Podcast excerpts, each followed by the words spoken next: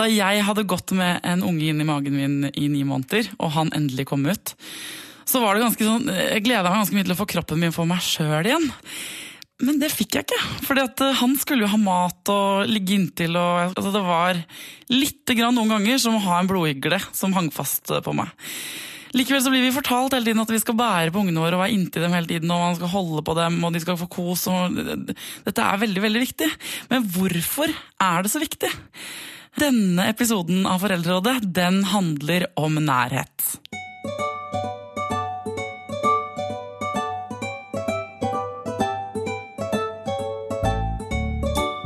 Hjertelig velkommen til Foreldrerådet, fødselslege Gro Nylander. Takk for det. Du, Når man får baby, så uh, hører man ganske fort at nærhet er veldig veldig viktig. Hvorfor er det det? Ja, hvorfor er det det? Eh, hvis vi snakker om det nyfødte, da, så kan du jo tenke deg at den har ligget inni mammaen, hørt på hjertet hennes, hørt på pusten hennes, hørt på tarmene som piper og det hele. Og den lukter, og den smaker. Og hvis du da tenker deg at den kommer ut, og så plasseres, som man har gjort i noen generasjoner, i en liten seng som ikke lukter av noe annet enn kanskje litt såpe, så er jo det et mye større sjokk enn om den får lov å komme på mors bryst, som jo er det vanlige nå, og som jeg skjønner du selv har opplevd. Og, og, det høres jo veldig naturlig og riktig ut, for sånn gjør jo alle pattedyr det. Men nå har vi også forskning som demonstrerer hvor nyttig og bra det er. Ehm, vi vet jo f.eks. at eh, når en baby blir født ut i vanlig romtemperatur, så blir den veldig fort kald. Prøv selv å gå naken rundt i 20 grader, du blir kald fordi du er våt ikke sant, når du har dusjet. Eh, og da vet vi at babyer bevarer temperaturen mye bedre når den ligger på mamma. Mammaredet kalles det. Og kvinnen magisk nok øker temperaturen, hudtemperaturen på forsiden to grader når du legger barn der etter fødselen. Er det sant? Det er sant. Er ikke det flott? Man er en liten varmeovn? Man er en liten varmeovn. Ja, Fugler har en egen sånn rugeflekk som blir bar for fjær, så ungen skal komme enda nærmere på, eller eggene. Uten sammenligning for øvrig. Eh, men, men, og det vil si at hvis du har et barn som er litt kaldt, kanskje det er født litt tidlig, kanskje det er litt tynt, kanskje det var litt plunder, så det tok litt tid før den fikk komme til mor, så har man tradisjonelt lagt dem i kuvøse med masse varme. Og så har man nå forsket seg frem til at det er intet sted barnet raskere får normal kroppstemperatur enn i mammaredet på hennes forside med hennes armer rundt seg. Eh, og det samme gjelder eh, når du skal i gang med å puste ordentlig. ikke sant? Du har ligget i vann i ni måneder, og nå skal du lære deg å puste ordentlig. Det går lettere når barnet ligger hos mamma. Kanskje stimuleres av hennes pust. Og, og, det andre er jo at de skriker mye mindre. Og selv om man før trodde at det var så flott at barnets første skrik, og at de skulle skrike for å få sterke lunger og sånn, så er jo skriket et slags nødsignal fra barnet, og det er helt unødvendig også etter en fødsel. De puster like bra om de ikke skriker i villen sky. Så det ser ut til at eh, det der å være nær mammakroppen, som er den den kjenner først, helt fra starten gir en tillit og en ro og en trygghet hos barnet. I hvert fall er det noen psykologer som snakker om basic trust. Altså den der grunnleggende tilliten som så mange av oss mangler. Den tilliten som gjør at du regner med at folk er glad i deg og syns du er ålreit, enten du har kvise på nesa eller fett hår eller hva det er. At den er veldig viktig, og den grunnlegges veldig tidlig. I allerede de første øyeblikkene? Ja, og jeg skal ikke si for sikkert at eh, akkurat den Basic Trust handler bare om de første timene, men det er jo en gradvis overgang til til resten av babystadiet. Og vi vet jo fra dyr at de har eh, noe som kalles separation distress call. Altså hvis lammet kommer bort fra søya, det er da du hører den me, me, og mamma som svarer bø, bø, ikke sant? Mm. Og, og, det gjelder alle dyreunger nesten, at de er stille sammen med mor, og så skriker de når de er separert. Og det samme er det jo menneskene gjør, vi har bare ikke skjønt det. Så vi har masse forskning nå som konkluderer med at barn som får starte livet mer eller mindre på mors kropp, de gråter langt mindre, signifikant mindre. Og, og, barnegråt er jo noe som er veldig voldsomt. Altså Vi klarer på en måte nesten ikke å la være å reagere på den. Det er en irriterende, grunnleggende lyd som du, du må gjøre noe med. Og det er selvfølgelig fordi at vi da skal reagere og få den til å slutte.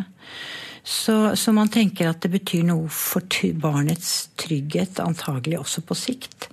Og, og det at uh, ved nærhet, fysisk nærhet, så, så, får du satt i gang alle de riktige refleksene, og sånt, som også kan gjelde f.eks. amming. Men hvis man av en eller annen grunn da, ikke, uh, når man føder ungen sin, ikke kan være sammen med den akkurat da, ikke sant? det er noen komplikasjoner, eller det skjer et eller annet, er det, er det helt fatalt, det da, eller? Det er det noen som spør om når man snakker om den tiden. Og det var en av grunnene til at jeg sammen med par jordmødre satte i gang på Rikshospitalet et prosjekt som du også kan se hvis du går på YouTube og, og skriver 'Breast is best', så ser du en sånn keisersnittmor. Det var en mamma som var så skuffet. Hun hadde gledet seg sånn til å få barnet på brystet, og alt det der der. Og så viste det at hun måtte ha keisersnitt. Og så fikk vi tillatelse, og det er ikke lett, skal jeg si deg, på et stort universitetssykehus med anestesi, og operasjonsstuer og barneleger og intensiv og alt, til at hun skulle få ha barnet hos seg, på brystet, og det skulle få lov å bli der og være hos henne til hun kom tilbake til, eh, til barsel. Eh, og det vet vi nå at de som blir behandlet sånn, mødrene er kjempefornøyd, fedrene er kjempefornøyd, de følger med på lasset hele veien. Eh, avdelingene er stort sett fornøyd, og vi vet at det går bedre med ammingen når man starter sånn. Men så er det noen som ikke kan være sammen med ungen sin helt i starten. ikke sant? Det kan være at du er syk, at du har hatt komplikasjoner under en operasjon eller fødsel. Det kan være noe med barnet. Og da gjelder det jo å vite hva man skal gjøre. Og da må jeg få lov å fortelle om lille Boris i Russland. Fortell om lille Boris i Russland. Jeg var i St. Petersburg, hvor de da på den tiden enda reivet ungene. Det er altså nærmest en sånn Du surrer den inn i en svær bandasje, så de ligger som sånn små mumier. Med armene ned og bena bundet og alt sånt. Og barna bodde selvfølgelig på en egen barnestue. Det kom et sånn lite tog med babyer eh, nedover gangen, og så fikk du levert babyen din i 20 minutter hver fjerde time. Litt sånn som, eh, som det var i Norge for mange år siden. Men så kom de til oss da vi var en flokk såkalte eksperter fra Verdens helseorganisasjon. og sånn, Ammeeksperter. Og så sa de var sånne russiske leger og jordmødre med høye hatter og korslagte armer og ferme folk. Og så sa de ja, hva vil du gjøre med dette? Her er lille Boris, og han vil overhodet ikke ta brystet. Han vil ingenting. Han bare skriker, og han går ned i vekt. Mja, sa vi litt sånn nølende. Kanskje prøve å vikle han ut av reivingen. Ja, virkelig, virkelig, virkelig rasende fart. Og det var ikke noe sånn spørsmål 'mamma, hva har du lyst til?' og sånn. Hun bare lå der og måtte gjøre. Og så sa vi kanskje lukke opp mors skjorte, og så kanskje legge nakne Boris på mammas bryst. Ja, det gjorde de. Og så sto de der med korslagte armer, og, og, vi sto der og følte oss jo litt usikre og ynkelige. Og så skjedde underet. At etter et par minutter så var det plutselig som om lille Boris våknet. Han løftet hodet, hvilket jo mange ikke er klar over at nyfødte fint kan. Og så så det akkurat ut som han begynte nærmest å sniffe som en liten jakthund. Og så skjedde jo det der med at fullbårne barn kan kravle. Og da gjorde han, jeg tror han var fire dager gammel, den jobben som nyfødte egentlig stort sett bør få lov til å prøve seg på.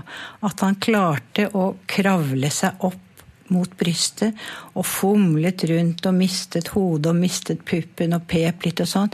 Men i løpet av jeg tror det var fire-fem minutter så var Boris på brystet for første gang på mange dager. Og det var helt sånn, og det var altså så magisk. Og denne mammaen som snakket litt eh, litt engelsk. Så vi sa til henne 'How do you feel?' Hvordan føler du det? Så sa hun 'This is the greatest day of my life'. Og noe av det samme benytter vi da hvis vi har et barn som av forskjellige årsaker ikke har kunnet være hos mor, på mor, ligget på barneavdeling, så er det ideelle, så langt vi vet i dag, da, at mor og barn i fred og ro, i enerom gjerne, Eh, får oppleve dette at barnet legges nakent på mor, kanskje med bleie på, da, på mors nakne hud. Og så får de ro, og så får han ligge der og høre Oi sann, det hjertet kjenner jeg jammen, og den dunken der, og den pusterytmen der, og her lukter det ganske godt, og kanskje ikke livet er så verst, og jeg prøver meg. Og så begynner de ofte. Og da ser vi jo igjen og igjen, hvis moren sånn halvligger litt, så ikke brystene ligger helt flatt utover som du kan se når du ligger på ryggen, at de, at de, gjør alle de der starttingene. Så alt er ikke tapt. Men du må ha tid og tålmodighet og, og mot og, og, kunnskap for å få det til. Hermed delt. Eh, men er det sant at babyer kan dø hvis ikke de får kos eller nærhet? Altså Jeg prøver jo stort sett å forholde meg til eh, forskning når jeg svarer på sånt, så det vil jeg ikke si ja til. Men det vi vet, er jo eh, som nevnt at de lettere får til å puste. Og de får bedre blodomløp hvis de ligger kroppsnært. Og det er jo ting som er veldig viktig for bevarelse av livet, selvfølgelig. Og vi vet også at, at barn som eh, ikke får noe hudkontakt, bare stelles, legges i seng og sånn, de utvikler seg dårligere enn eh, barn som får den stimulansen. Hvordan utvikler de seg da dårligere, da? Altså, Man vet jo aldri hvordan det enkeltbarnet skulle ha vært. ikke sant? Så det man må gjøre, er å sammenligne grupper som er behandlet sånn, med grupper som ikke er behandlet sånn. Og da ser det ut til at de, det som er lettest å måle, er jo fysikk og reaksjoner. Ikke sant? Eh, hvordan smiler du, hvordan reagerer du på tilsnakk når du er noen måneder? Sånne ting. Og alt det henger da etter. Men hvis mammaen av en eller annen grunn ikke kan gi den nærheten helt de første mm, dagene, mm. kan pappaen bidra med noe der, eller? Pappa er en god nummer to, men han er en nummer to i starten. Det må han på en måte erkjenne, for barnet kjenner ikke hans kropp, han lukter ikke riktig, han har ikke kvinnelige hormoner. Men pappa er en varm, han har varmen. Også keisersnittbarn, kalde barn, blir fortere varme hos pappa enn i en kuvøse. Og, og, de skal jo venne seg til ham, så hvis man ikke har tilgang på den kjente morskroppen, så er nok pappa en veldig viktig og god nummer to. Og jeg har i mange år, før vi fikk til dette med at babyen følger mor ut fra planlagte keisersnitt, så har det vært sånn at far fikk babyen og gikk tilbake til fødeavdelingen fra operasjonsstua. Og så satt ofte far i timevis med babyen i en liten seng og ventet på at kvinnen skulle komme tilbake. Og da har jeg stort sett etter operasjoner gått inn på den fødestua hvis jeg har hatt tid, og foreslått at han skulle knappe opp og, og legge barnet holde det nært og sånn. Og det har vært så rørende å se mange av de pappaene. Først blir de jo blanke i øynene, og så blir de røde i kinnene, og så eh, og det var en som sa, som var en kollega faktisk, sa du kan du ikke ta en sånn oksytocin-test av meg nå, det er det der kjærlighetshormonet. Jeg tror jeg har masse akkurat nå. Så hud er best? Hudkontakt er alfa og omega. Ja, hud ser ut til å være Altså, igjen, det er ikke skilt så veldig mye mellom direkte hud og f.eks. å ligge inntil mor utenpå en tynn sykehusskjorte og sånn, så det kan jeg faktisk ikke svare sikkert på.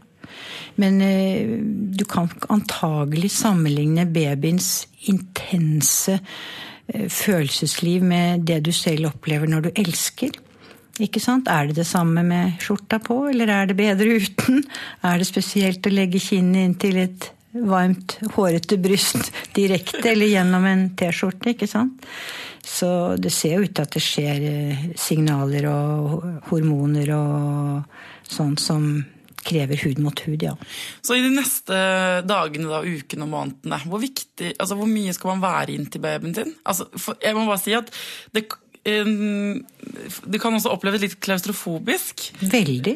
Som nybakt mor. ikke sant? Du skal amme hele tiden, og så er, skal du bære rundt. Du, og du har jo akkurat liksom gått ni måneder uten å ha kroppen din for deg sjøl. Mm. Og så skal du liksom jeg ble sånn, kan noen slutte å ta på meg nå? Ja, ikke sant. Ja da. Så hvor mye skal man være sammen med Vet, moderne, moderne mennesker de er ikke vant til f.eks. å sove inntil noen. Selv eh, ektefelle eller kjærester de ruller jo gjerne rundt og tar hver sin dyne, de fleste. Så det der å ha et annet menneske på det er ikke lett som krever noe av deg veldig mye av tiden, det er jo kjempesterkt. Så egentlig burde man kanskje øve seg gjennom graviditeten. Og igjen, disse velsignede hormonene de gjør at man lettere tåler det akkurat som dyr. Eh, hva er det, geparden eller leoparden, jeg husker ikke, som, som er, lever helt alene, ikke er sammen med andre annet enn i korte paringsperioder. Og så plutselig skal de tåle unger som kravler og krever og sånn. Og da gjør altså dette samme hormonet som vi har, at de aksepterer det den perioden. Men jeg har jo mammaer som har sagt jeg føler at han spiser meg opp, jeg orker ikke det, fjern den åmen der, liksom, jeg holder ikke ut. Og det er klart at da er det veldig fint å, å ha en god, varm pappa til avlastning. Eller at personalet, det, mens de er på sykehuset, eller bestemor eller bestefar eller noen, tar barnet og, og gir det bevegelser og kroppskontakt og alt det der. For det trenger de hele tiden? Ja, hele tiden og hele tiden. De fleste av oss har jo ikke fått det, og vi har vokst opp på et vis, men, men det ser altså ut til at iallfall barnet skriker mindre. Og det har lavere stresshormoner. Og det er ganske viktig, for det er fint å kunne måle noe eksakt. Det gjelder jo både mor og barn, og det var en av argumentene til at vi fikk gjennomført det der med at keisersnittmødre også skulle ha babyene hos seg. For det er ikke til å legge skjul på at det var en del motstand på intensiv med nyopererte. Hvordan skal dette gå? Det blir bråk og, og leven og sånn. For det første så skriker de ikke når de er hos mammaen. Og hvis noen piper, så, så har vi lovet at de skal fjernes. Men det vi kunne vise, var at en mor, nyoperert mor, øh, har lavere kortisol, altså stresshormonet, hvis hun har babyen på kroppen, enn ikke. Og babyer har lavere kortisol hvis det er på en kropp, enn hvis det ligger alene. Så der har vi ganske klare Men hvor lenge, hvor lenge skal man drive Altså hvor mye skal man være inntil babyen sin de første månedene? Og hvor lenge skal man holde på med det? jeg hører den frustrerte moren. Altså, igjen, mor er også et menneske. Du må jo se litt hva som passer for deg, hva du orker. Men det er noen som sier at nei, eh, jeg bærer ikke barnet mitt, derfor han liker det ikke. Og Så sier jeg når startet dere, og hvor ofte gjør dere det? For hvis ikke barnet er vant til det, og så bestemmer du deg når tre måneder at nå skal vi jammen bære, så vil den kanskje vri og åle seg og sånn. Så, så, svaret er vel en gradvis avvenning. Altså den skal jo ut og gå i verden og bli konfirmert og alt mulig sånt nå. Men altså, i starten skal den helst bo på en kropp. Det høres ut som jeg krever det umulig, men se hva du får til. Se hvordan du selv trives med det, og kanskje etter noen dager syns du det er like hyggelig som babyen. Så idealet for meg var den derre barselkvinnen som dro hjem til sofaen eller sengen og ligger med ungen på den ene eller andre eller oppe eller rundt omkring seg, og spiser og drikker og leser ukeblader, hører radio koser seg og bare har litt besøk av noen veldig nære som du kan slappe av med og lufte stingene mens de er i rommet, og hva du nå måtte ha. Fred og ro. Og så gradvis, ikke sant. Så går du faktisk og tar den dusjen, og så vil du gå ut en tur, og så skiller du deg gradvis fra det biologiske båndet. Men at det er mye viktigere enn vi har skjønt også hos mennesker. Når det gjelder bæring, det er forskjellige helt konkrete ting man kan gjøre. For å bære. Det, du er glad i bæring. Mm. Veldig fint. det er helt... Tenk deg da liksom forskjellen på sanseinntrykkene for en baby som er bundet fast til en kropp, og opplever at mamma hoster og prater og ler og bøyer seg og hopper i trappen og gjør en masse ting, i forhold til en som ligger stille i en liten seng. Det skulle jo bare mangle at ikke nærhetsbabyen fikk en helt annen type stimulans, og at det antagelig gir noen resultater. Og, og, og, og, jeg kan en måte å bære på som jeg faktisk har vist frem på TV 2, som tar 20 eh, sekunder å ta på, og det eneste du trenger, er et gammelt dynetrekk. Og, to sekunder å løsne opp. Kjempefint. På magen, ikke sant? Med hodet inn. ja, de små skal jo ligge på magen ganske lenge, faktisk. Og nå har jeg lyst til å si noe som er viktig, fordi at du ser at uh, noen babyer, når de henger i sele, så henger de med bena ganske strakt ned. Eh, særlig når de begynner å vende dem ut, foreldrene. Og det er ikke så gunstig. Babyer skal ha, ligge i froskestilling, altså med bøyde hofter og bøyde knær, for at hoften skal utvikles riktig. Så, så bæreceller skal være brede nok, eller hvordan du nå bærer, sånn at den ligger sånn. Skjønte du det? Jeg skjønte det. Mm. Så det er sånn froskeform? Froskeform, og det, faktisk er det så effektivt at uh, i mange tilfeller så barn som er født med sånn hofteleddsdysplasi, hvis de har et bærearrangement som funker sånn, så kan de slippe hele den der dumme puten og alt det der der. Men om, om natten, da? Hvordan uh, tenker du at det er best å få nærhet om natten? Ja, der ser det jo ut til at såkalt samsoving har mye for seg. Og igjen, de fleste nyfødte og babyer og kvinner jorden over sov jo sammen. Så kom det jo voldsomme advarsler mot det. Man mente at det kunne øke risikoen for krybbedød. Og i dag er vi der at vi syns at Eller jeg har syntes det hele tiden, men offisielt råd er også at du kan sove med barnet i sengen hvis du gjør det på en forsvarlig måte. Og det betyr f.eks. at du må faktisk være ikke-røyker. Og så må du ikke være dopa, verken alkohol eller andre ting. Og så må det være plass i sengen. Og så skal du ikke ha vannseng. Barnet skal ikke få det for varmt. Altså med andre ord sånn ganske alminnelig oppførsel som de fleste foreldre vil ha. Men hva med sånn seng som er koblet? Det er noen sånne barnesenger som man kan koble Ja. på voksensengen, hvor de ligger liksom litt unna, men, men man kan bare dra dem over når de skal og Det sånn. er jo en veldig god løsning. For da, og særlig hvis du legger barnet på noe som gjør at du kan bevege underlaget så den ikke våkner, så er det også en god løsning. Men man har sett på mødre og barn i søvnlaboratorium og filmet dem hele natten.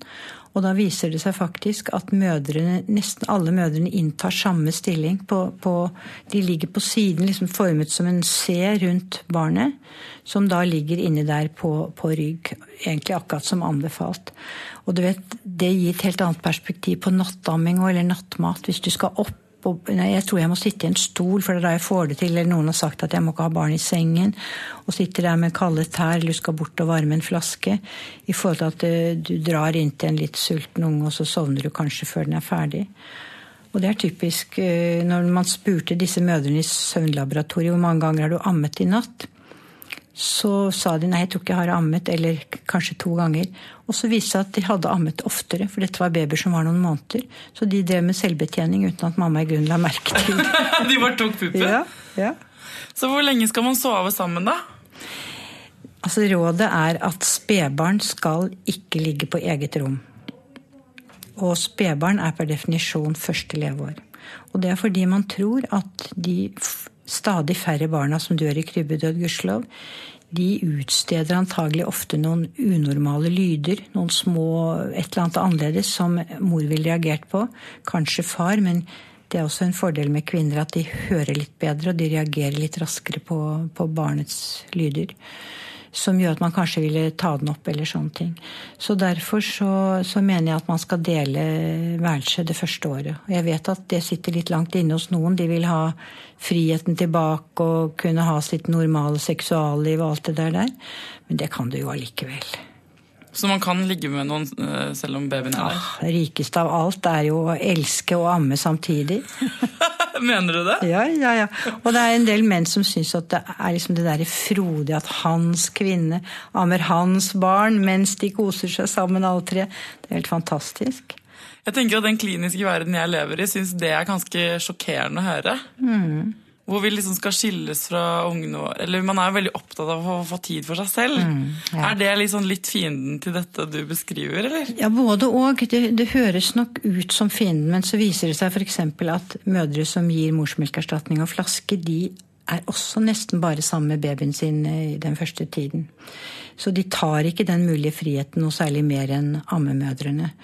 Og så, hvis du tenker litt på sikt, på småbarn og sånn, så er det noen som sier du kan ikke sove sammen med ungen og holde på med den puppen og, og kline sånn med den ungen. Den kommer til å bli helt avhengig av deg. Og da er det igjen studier som viser at nettopp de barna som har fått full dose av alt, masse nærhet, masse oppmerksomhet, masse bryst, hva man har å gi, de er tryggere og mer selvstendige. Eksempel, man har en flokk ettåringer i et rom sammen med mamma. Dette var mamma. Og så går mamma, og da blir de fleste barna nokså urolige, og mange gråter litt og sånn. Og så etter en viss periode så kommer mammaen tilbake, og så sitter forskerne og observerer barna da, og bl.a. ser hvor lang tid det tar før de roer seg hos mor. Og, og sånn, og så klassifiserer de der hvor det var de som brukte lang tid, og det var de som brukte kort tid. Og så er det noen andre som da intervjuer mor, og har fulgt paret, tror jeg, også gjennom babystadiet, og som da ser at de som har fått masse, de er mye lettere å trøste. Og det har vi masse studier som viser. Eh, Vi har en studie fra England og Danmark hvor de engelske babyene bare ble trøstet til måltidene, som var på gitte tider, mens de danske babyene ble tatt opp og trøstet hver gang de gråt. Og da barna var tolv uker, så viste det seg at eh, de utrøstede London-barna gråt dobbelt så mye som de danske som fikk trøst når de ba om det. Men eh, når man får baby, og du sier liksom, ja, du, du nevnte at mammaen hører bedre. For jeg husker helt personlig da, at det der å ligge på ank eh, med babyen Altså, jeg sov veldig dårlig eh, mens når babyen var nyfødt. Så har du en mann på den ene siden som kanskje snorker eller snur seg, eller sånn, og så er det en baby du er redd for å legge deg oppå, eller du våkner på hvert minste knirk. Så resultatet ble jo at eh, jeg ikke fikk sove nesten noen ting. Jeg var ekstremt trøtt. Er det ikke liksom på et eller annet tidspunkt lurt at mamma tar seg en pause? Egentlig ikke. Ikke i starten, men det er heller det at hun får fred og ro og full støtte rundt seg. Dulle, dulle, dulle. Nå tar jeg babyen ut og lager frokost mens du sover videre. Nå trenger du sikkert en lur, nå går bestefar en trilletur med ungen. Altså, du skal være, ha veldig rolig, ikke drive med noe annet. Og dagens mødre gjør jo veldig det, da ikke bare Facebook og sånn som du kan gjøre ved siden av babyen, men man vil ut på tur fort. Det skal være så bra å gå tur med barnevogn, og så skal man ut med venninner, så skal man gå på kafé, og så skal man pleie parforhold og helst komme i gang fort med alt mulig og sånn. Så, så, vi mangler den der roen rundt eh, barselperioden, som jo rent fysisk er minst seks uker. Lenger etter keisersnitt. Men du sier uh, at man burde sove på samme rom som barn frem til de er ett år. Absolutt. Og hvis man da ikke får sove noe særlig da, når det barnet ligger på rommet ditt fordi det våkner mange ganger eller det er mye uro og sånn, så ett år er dødslenge å ikke få sove godt. Ja, og, og, man kan nok moderere det litt, for risikoen for uh, krybbedød, som er veldig liten uansett, er jo størst uh, første halvår og litt til. Men det skjer fortsatt i ettårsalder. Så svaret er ja. Det er ganske krevende å få et lite barn, og du må regne med at det blir mye mindre søvn på deg i noen år. Sånn er det bare. Så må man prøve å tenke smart og tenke nei, nå sitter jeg ikke oppe og ser den filmen. Nå legger jeg meg klokka ni, jeg er dødstrøtt. Voksentid får vi ta en annen gang. Til sommeren. Da er babyen vår litt større og sånn. Det koster å få barn. Og det må man på en måte være innstilt på. Jeg tror det er den største forskjellen til i dag. At, at vi visste det. Mens dere tror på en måte at eh, dere skal være like kule og sylslanke og med flat mage og full rush på Elixia og alt det der, der nesten med en gang. Noen får det til, men det er ikke sånn det er. Du skal være litt raus med deg selv og raus med ungen din. Og det kommer ekteskapet til gode og pappaen og alt det der. Man må bare erklære unntakstilstand? Yes i et år. Pluss at det er ikke farlig. Man blir trøtt og uvel av ikke å sove, men det er ikke farlig å ikke sove. Og igjen så har man da studier som viser at mødre som sover med babyen i sengen, sover mer og er mer uthvilte enn de som har dem i egen seng. Så du er ikke enig i dette her, at man kan eh, prøve seg liksom etter ni-ti måneder å legge dem på eget rom? og testet hvordan det går, og lære dem å finne søvnen selv uten mamma og sånn? Jeg har ikke noe med å være enig eller uenig, jeg prøver bare å forholde meg til forskning. Det er bra altså, at du gjør, for jeg vet ikke. Jeg husker bare selv at jeg var så frustrert og lei meg og utslitt. Og, og, da blir man eh, jo en dårlig mor, da. Blir dårlig, var ikke noe hyggelig med noen ting, for man er så sliten. Mm. En løsning kan jo være at noen andre sover sammen med barnet. Og så eventuelt bringer de til deg for en nattamming hvis de har behov for det. Men barnet skal ikke sove alene? Barnet skal ikke sove alene etter mitt skjønn det første året. Og aller viktigst de første seks-åtte månedene. Er det andre former for nærhet da, som er viktig? Når, har, når, babyen blir noen måneder, er det liksom like viktig med kos og Masse kos. Også det å snakke med babyene. Vi vet jo så mye om babyer nå. ikke sant? Hvordan de kan etterape ansiktsuttrykk. Hvordan de svarer. Fra de er bitte små, så begynner de å svare når du snakker til dem. Og du vet, i gamle dager, da var det jo ikke en ung kvinne omtrent som ikke hadde erfaring med babyer. Mamma hadde ti unger, ikke sant? så enten du hadde som regel småsøsken, eller så hadde storesøsknene dine fått babyer, og alle hadde håndtert babyer.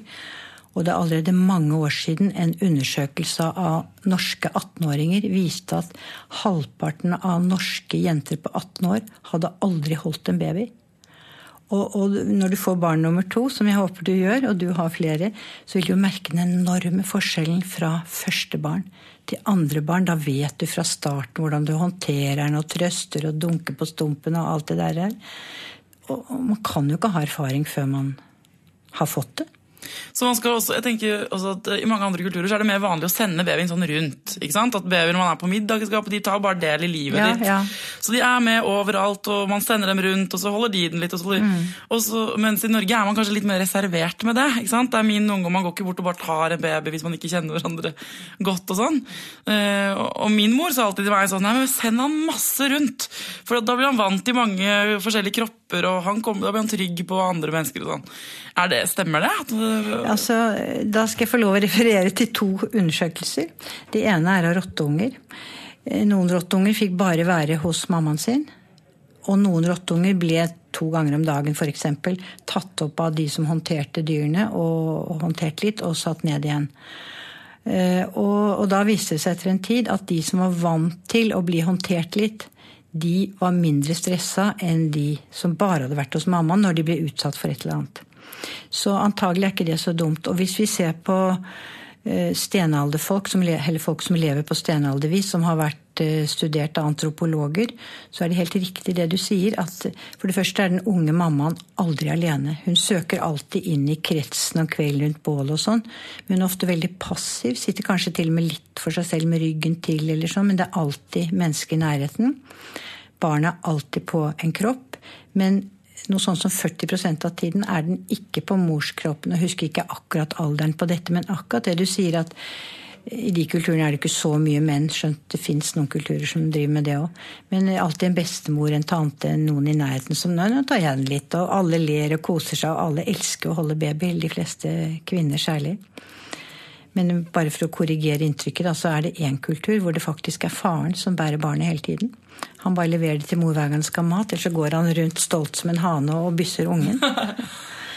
så det at barn skal holdes mye. De skal bæres og holdes, og det er ikke så innmari viktig hvem som gjør det, men de skal bare ha masse kontakt. Ja, og fra starten tenker jeg at det er ganske viktig at moren gjør det mest. Og så kan den gradvis avvennes med at det er bare hun som er god.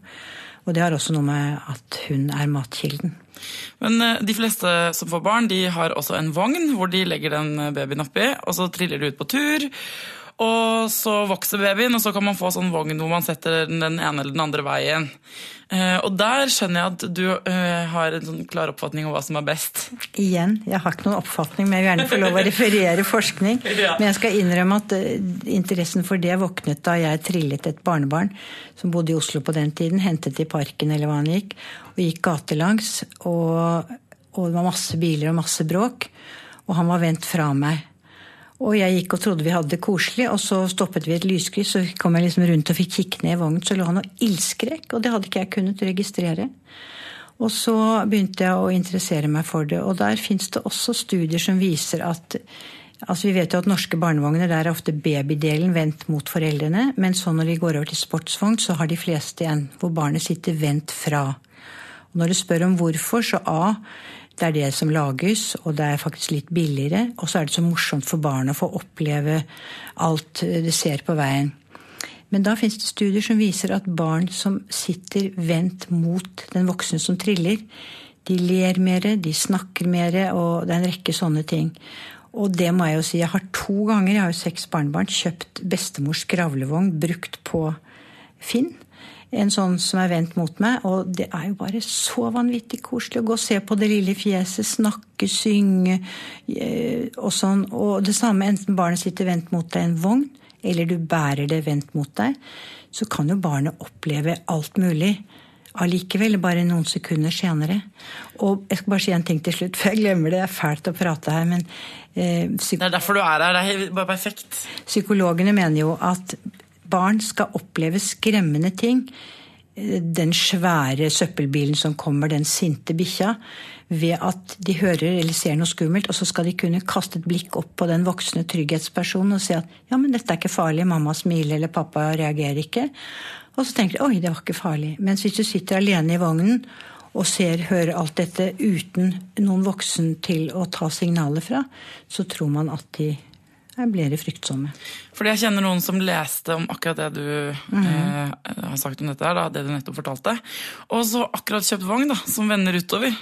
Og så hvor farlig er det da, for de som sitter hjemme og tenker sånn 'Å nei, men mitt barn blir traumatisert av sinte hunder og søppelbiler'. Ja, ja. Da, datteren min sier 'dette må du ikke si', det blir jo helt pinlig. Men det å si at altså, de fleste triller jo ikke i, i timevis i trafikkerte gater, håper jeg. Eh, og det er jo mange måter å gi trygghet på, men nå snakker vi om liksom det optimale. Det optimale. Mm. Også det at du får gratis. Og jeg tenker når du henter ettåringen din i barnehage, som har vært atskilt fra det kjæreste han har i kanskje åtte timer, er det ikke kjempekoselig å bruke hjemturen til kontakt? Hvis barnet er vendt bort fra deg, har vært sammen med fremmede hele dagen, så kanskje de ikke engang husker at det er pappa som går der og triller. Så jeg tror snille, kjærlige, varme, oppmerksomme foreldre de det er jo det som er det viktige. Det er ikke så farlig hvor lenge du ammer, hvor mye du gjør om natta, om du sover sammen eller ikke, om du har vogna vendt den ene veien eller det andre. Men nå prøver vi å snakke om alle de tingene som kan hjelpe til å gi det best mulige resultatet. Det var veldig deilig kjenner jeg at du sa det der nå. For at, uh, man blir jo redd for det, man blir, Når man er en sånn flink pike, eller pliktoppfyllende borger, så blir man opptatt av å score høyest mulig på alle de punktene. Uh, men som du har sagt uh, flere ganger før, er jo at det er jo, mammaen må også ha det bra. Mm. Og det der å vite hvor den grensen går, er litt vanskelig når man er sliten og det er helt nytt og har fått baby og sånn. Så Har du noen råd til det? eller Hvordan kan man kjenne etter liksom, at uh, man trenger en pause, da, eller at sant, trenger å spørre om hjelp? Ja, det tror jeg er ganske viktig. Og så tror jeg man må si til seg selv at kommer ikke, jeg kommer ikke til å være perfekt. Det jeg gjør, kommer ikke til å være perfekt, men det må være godt nok. Altså, Alle har vi en drøm om å være tålmodig og, og kjærlig hele tiden. Og så blir jeg jo rasende på ungene har lyst til å hive dem ut av vinduet. Og mine barn skal spise masse frukt og grønt. Ja, men de vil bare ha sjokoladebananer og loff med sjokade, ikke sant? Veldig flaut. Hva skal jeg si til naboen som har sånn ekkelt barn som spiser fem sorter grønnsaker? Vi må bare tenke godt nok til at de får i seg det de trenger, godt nok til at de får den kjærligheten og nærheten de må ha. Og så får det nå gå som det vil ellers. Det går jo bra. Hva syns du om smokk, da, Gronilander? Du, jeg elsker smokk, jeg. Ja. Ja, jeg har hatt veldig glede av smokk til et par av mine barn. Og jeg har febrilsk prøvd å få barnebarna til å ta smokk. Det er bare én av seks som har villet det. Men det vi råder til, er at du ikke skal gi en nyfødt baby smokk. Og det er rett og slett fordi at den skal først være blitt dyktig på brystet. Og det er veldig annerledes å suge på en smokk. Da ligger du med lukket munn, ikke sant? Eh, mens når du skal amme sånn at det ikke gjør vondt for brystet, så skal babyen se ut som spiser en dobbelt hamburger. Så vent til ammingen er vel etablert, du bra med melk, og ungen suger ålreit. Det skal ikke gjøre vondt. Og det vil i praksis kanskje si Folk tåler å si Hvis man sier vent to uker, f.eks., før de begynner med smokk. Det er det ene. Det andre er at eh, etter hvert som barnet vokser, så trenger de jo mer mat. Og måten barnet signaliserer det på, er at den er urolig og skriker mer. Og så er meningen at mor skal amme mer. Og så trapper hun opp det som heter økedager. Og hvis da barnet prøver febrilsk å si 'nå må du øke melkemengden, mor, jeg skriker her', og du i stedet får en smokk i munnen, så er det ikke sikkert at mor gjør den fysiologiske økningen som skal til utover i ammeperioden. Så hvis du har et barn som legger litt dårlig på seg, så kan det være lurt å tenke at nå skal vi spare på smokken eh, til vi ser at vekten går den riktige veien. Så smokk er greit så lenge det ikke er en digresjon for eh, puppen? Man gir den smokk istedenfor pupp når den eh, er lei seg, og du skal ha økedøgn. Så er det jo også som en sånn digresjon, en, sånn, en avledning, da. Ja, ikke sant. Altså du gir jo smokk fordi den gråter og er lei seg. Og det er jo greit hvis du vet at den ikke trenger mat, men, men det er akkurat det der hvis den plutselig stagnerer i vekten, så kan du tenke ta det litt rolig med smokken en stund. Og så på slutten, når du prøver å bli kvitt smokken, da, det er jo mange som sliter med. Og det kan gå utover tannstilling og sånne ting. Hvor gamle må de være når de skal slutte med smokk? Nei, Det kan for du spørre tannlegen om, for da er man jo mest opptatt av tannstilling. Og så ser det jo ganske rart ut når en unge ikke får snakket fordi at den går med smokken i munnen. Jeg eh, gjorde et triks med datteren min som absolutt ikke ville slutte. At jeg bandt en smokk på hver side av sprinkelsengen i så kort snor at det er umulig å kvele seg i den, dvs. Si 10 cm snor. Og da fant hun om natten selv, og når hun snudde hodet og hadde sovnet, så ble den dratt ut. Så det vet jeg flere andre har brukt med stort hell. Men det hendte jo da når hun var lei seg, at hun tuslet bort i sprinkelsengen og satte seg der og sugde på smokken litt. Og når de er litt eldre, så er det mange varianter som er sånn du kan levere den inn til Kaptein Sabeltann. Ja, ja, ja. I Danmark har de egentlig sånne smokketrær, mm, hvor man henger opp, mm. alle barna henger opp smokker i trærne. Fantastisk. I Fredriksberg hage henger et nydelig stort tre fullt av smokker. Mm. Hvordan skal man slutte med amming da? Det er ganske morsomt, for det er et litt nytt problem. At eh, det går så bra med ammingen i Norge at man ikke får slutta. Og som regel så ordner det seg jo helt selv ved at barnet blir mindre interessert, samtidig som mamma er mindre interessert, og så går det over tid. Det er det beste. Det er den fysiologiske avvenningen. Men så er det noen som blir så innmari glad i brystet at de syns det er vanskelig å slutte. Og da må det jo være litt opp til familien, mammaen og pappaen og de rundt, hvor lenge de vil holde på med sånn. Men mange reagerer jo når en møkkete unge kommer stabbende bort og knapper opp og drar ned og sånn. Så, så, men på, måten er bare at du ammer sjeldnere og sjeldnere og kortere og kortere. Og noen strever veldig. Jeg hadde en som hadde et barn som ville ha pupp hele tiden, og da lærte hun barnet sitt at uh, det er bare når mamma har på seg den grønne morgenkåpen, og det tok hun da på seg morgen også før han skulle sovne om kvelden. Og det gikk ganske fint, men så var det en dag han var innmari lei seg, da kom han mot henne mens han dro den grønne morgenkåpen etter seg. Hvor gammel var han da? Ja, Han var vel to-tre år, tenker jeg. Ja. Og jeg vet en jeg kjenner godt, hun sa at uh, da var barnet bortimot tre år. At nå er mammas pupp tom. Nå skal vi gå ut og kjøpe en fin melkekopp til deg, som er bare din, og den skal du få masse deilig kumelk av. Men, men man, det er jo ganske vanlig at man eh, slutter å amme sånn rundt ettårsalderen. Mm. Eh, da er det jobb, og det er barnehage, og man har jo ammetid og sånn, kanskje en slurk på morgen og kveld eller noe mm. sånt. Men på et eller annet tidspunkt så er ganske mange damer keen på å slutte å amme òg. De er lei, og det er ferdig, og nå vil kroppen min få være min en stund. Men det er en del som venter til etter at de har vært på, i bryllup og gallafest, for de vil gjerne ha flottest fullmunne pupper. Men hvordan skal man kutte ut for babyens del, da? Når de skriker etter pupp på natten, da, eller på dagen? Altså, det gamle rådet, som vi absolutt ikke vil anbefale, var at mor skulle reise bort noen dager. Eh, det vil jeg ikke anbefale, annet enn hvis barnet blir tatt hånd om av en veldig nærstående far eller en besteforelder eller noe sånt som de kjenner veldig godt. Men en måte kan jo være at eh, noen andre enn mamma sover med barnet, f.eks. En helg pappa er hjemme, så er det han som har barnet. Og en annen måte er å gjøre brystet utilgjengelig uten å gjøre seg selv utilgjengelig. Altså I gamle dager så smurte man illeluktende ting, eller illesmakende ting på brystet. Og barnet spyttet ut. En jeg kjenner godt, hun, hun malte et klovnefjes på brystet. Som et snerrende fjes med var ikke klovn kanskje, med stygge tenner og sånn, med brystknoppen midt i. Og da barnet skulle ha bryst og fikk se det grusomme fjeset, så slapp han. Eh, men vanligere eh, det er f.eks. å sette en plasterlapp over brystknoppen. Vær så god, bare forsyn deg. Og da er de så små at de skjønner ikke at det er plaster, så de prøver, og så smaker det bare rart og kjennes rart ut i munnen, og så spytter de ut. Men hva med å gi dem vann istedenfor, da, på tåteflaske? Ja, for all del. Når de er så store at de skal venne seg, så kan de få vann både med og uten tåteflaske. Men de kommer, å, de kommer jo ikke til å ville ha det. De kommer Nei, til å skrike og, og, hyle. Og det er jo det som er så hjerteskjærende da, i den avvenningen. At det er jo helt forferdelig. Ja. Nei, men da må det være noen som trøster uten bryst. Og hvis det er lettest at noen andre gjør det, så prøver man å få til det.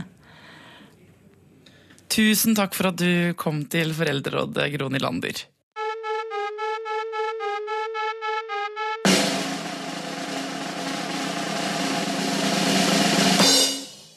Som foreldre så er vi jo nødt til å passe på ungene våre hele tiden. Altså, det er jo vårt ansvar at de overlever og har det bra, helst. Eh, men det er ikke alltid like lett å vite helt hva man skal gjøre eller hvordan man skal få det til. Eh, nå skal du få høre Anne Mari fortelle historien om hvordan hun rett og slett trua seg til å få det som hun ville da de skulle på ferie.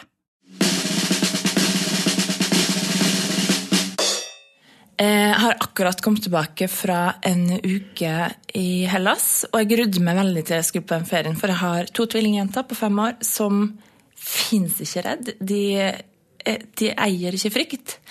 Og min største frykt er jo at de skal plutselig bli borte. Eh, men når jeg sier til dem sånn Du, dere kan ikke bare løpe sånn som det er, for dere kan bli borte. Og jeg blir så redd. Og så sier de alltid sånn Ja, men jeg kommer jo tilbake. Jeg vet jo hvor du er, og jeg kommer jo tilbake. Det er ikke, det er ikke noe farlig, mamma. Eh, og så Vi lander på flyplassen, eh, på den lille øya vi skal være på, i Hellas. Og der henger det noe så lite korrekt som bilde av bortkomne barn. Mel McCain henger der eh, på veggen liksom bortover sånn. Og jeg ser jo det jeg får jo sånn åh. Og under de plakatene så står alle pensjonistene som gleder seg til sin eh, ferie. Og da når jeg ser de plakatene, så går med ene tvillingen hardt i den ene hånda, og den andre tvillingen hardt i den andre. Så sier jeg, ser dere på veggen der? Der henger det masse barn som har kommet borte fra sine foreldre. Og de har vært borte i mange år, og de har ikke kommet tilbake. Og de ungene var helt sånn Har de? Har de? Og så ble de litt redd. Og jeg ser at de pensjonistene som står og gleder seg til sin ferie, de ser på hverandre og rister på hodet, for de er jo selvfølgelig norske. Og de ser på hverandre og tenker fytti grisen, for en forferdelig mor. Men det som er bra, at hele den ferien så hadde to jenter på fem år i skjørtet mitt. Og det har jeg aldri opplevd før. Så til en viss grad så tror jeg det funka. Det kan jo være sånn at uh, selv om man ikke gjør det helt pedagogisk riktig alltid, så, så funker det. Uh, og så får vi prøve oss frem da, vet du, og feile noen ganger, og så bli bedre på dette med å være mammaer og pappaer. Og til slutt så kommer vi jo som regel i mål med det der å være helt ok foreldre. Denne podkasten er til for at vi skal bli litt bedre og innrømme våre feil samtidig. Send meg gjerne dine historier hvis du har en eh, historie du skammer deg litt over. Ehm, så er det her du kan dele den. Send den til thea.klingenberg. Gi meg gjerne stjerne på iTunes, jeg blir så glad. Blir så glad. Eh, og finn eh, gruppa vår på Facebook. Så kan vi være en gjeng og kanskje finne felles trøst, og i hvert fall bli litt tryggere i den jobben vi gjør hver eneste dag. Til neste gang, folkens, ta vare på dere sjæl. Ta vare på ungene deres og lykke til!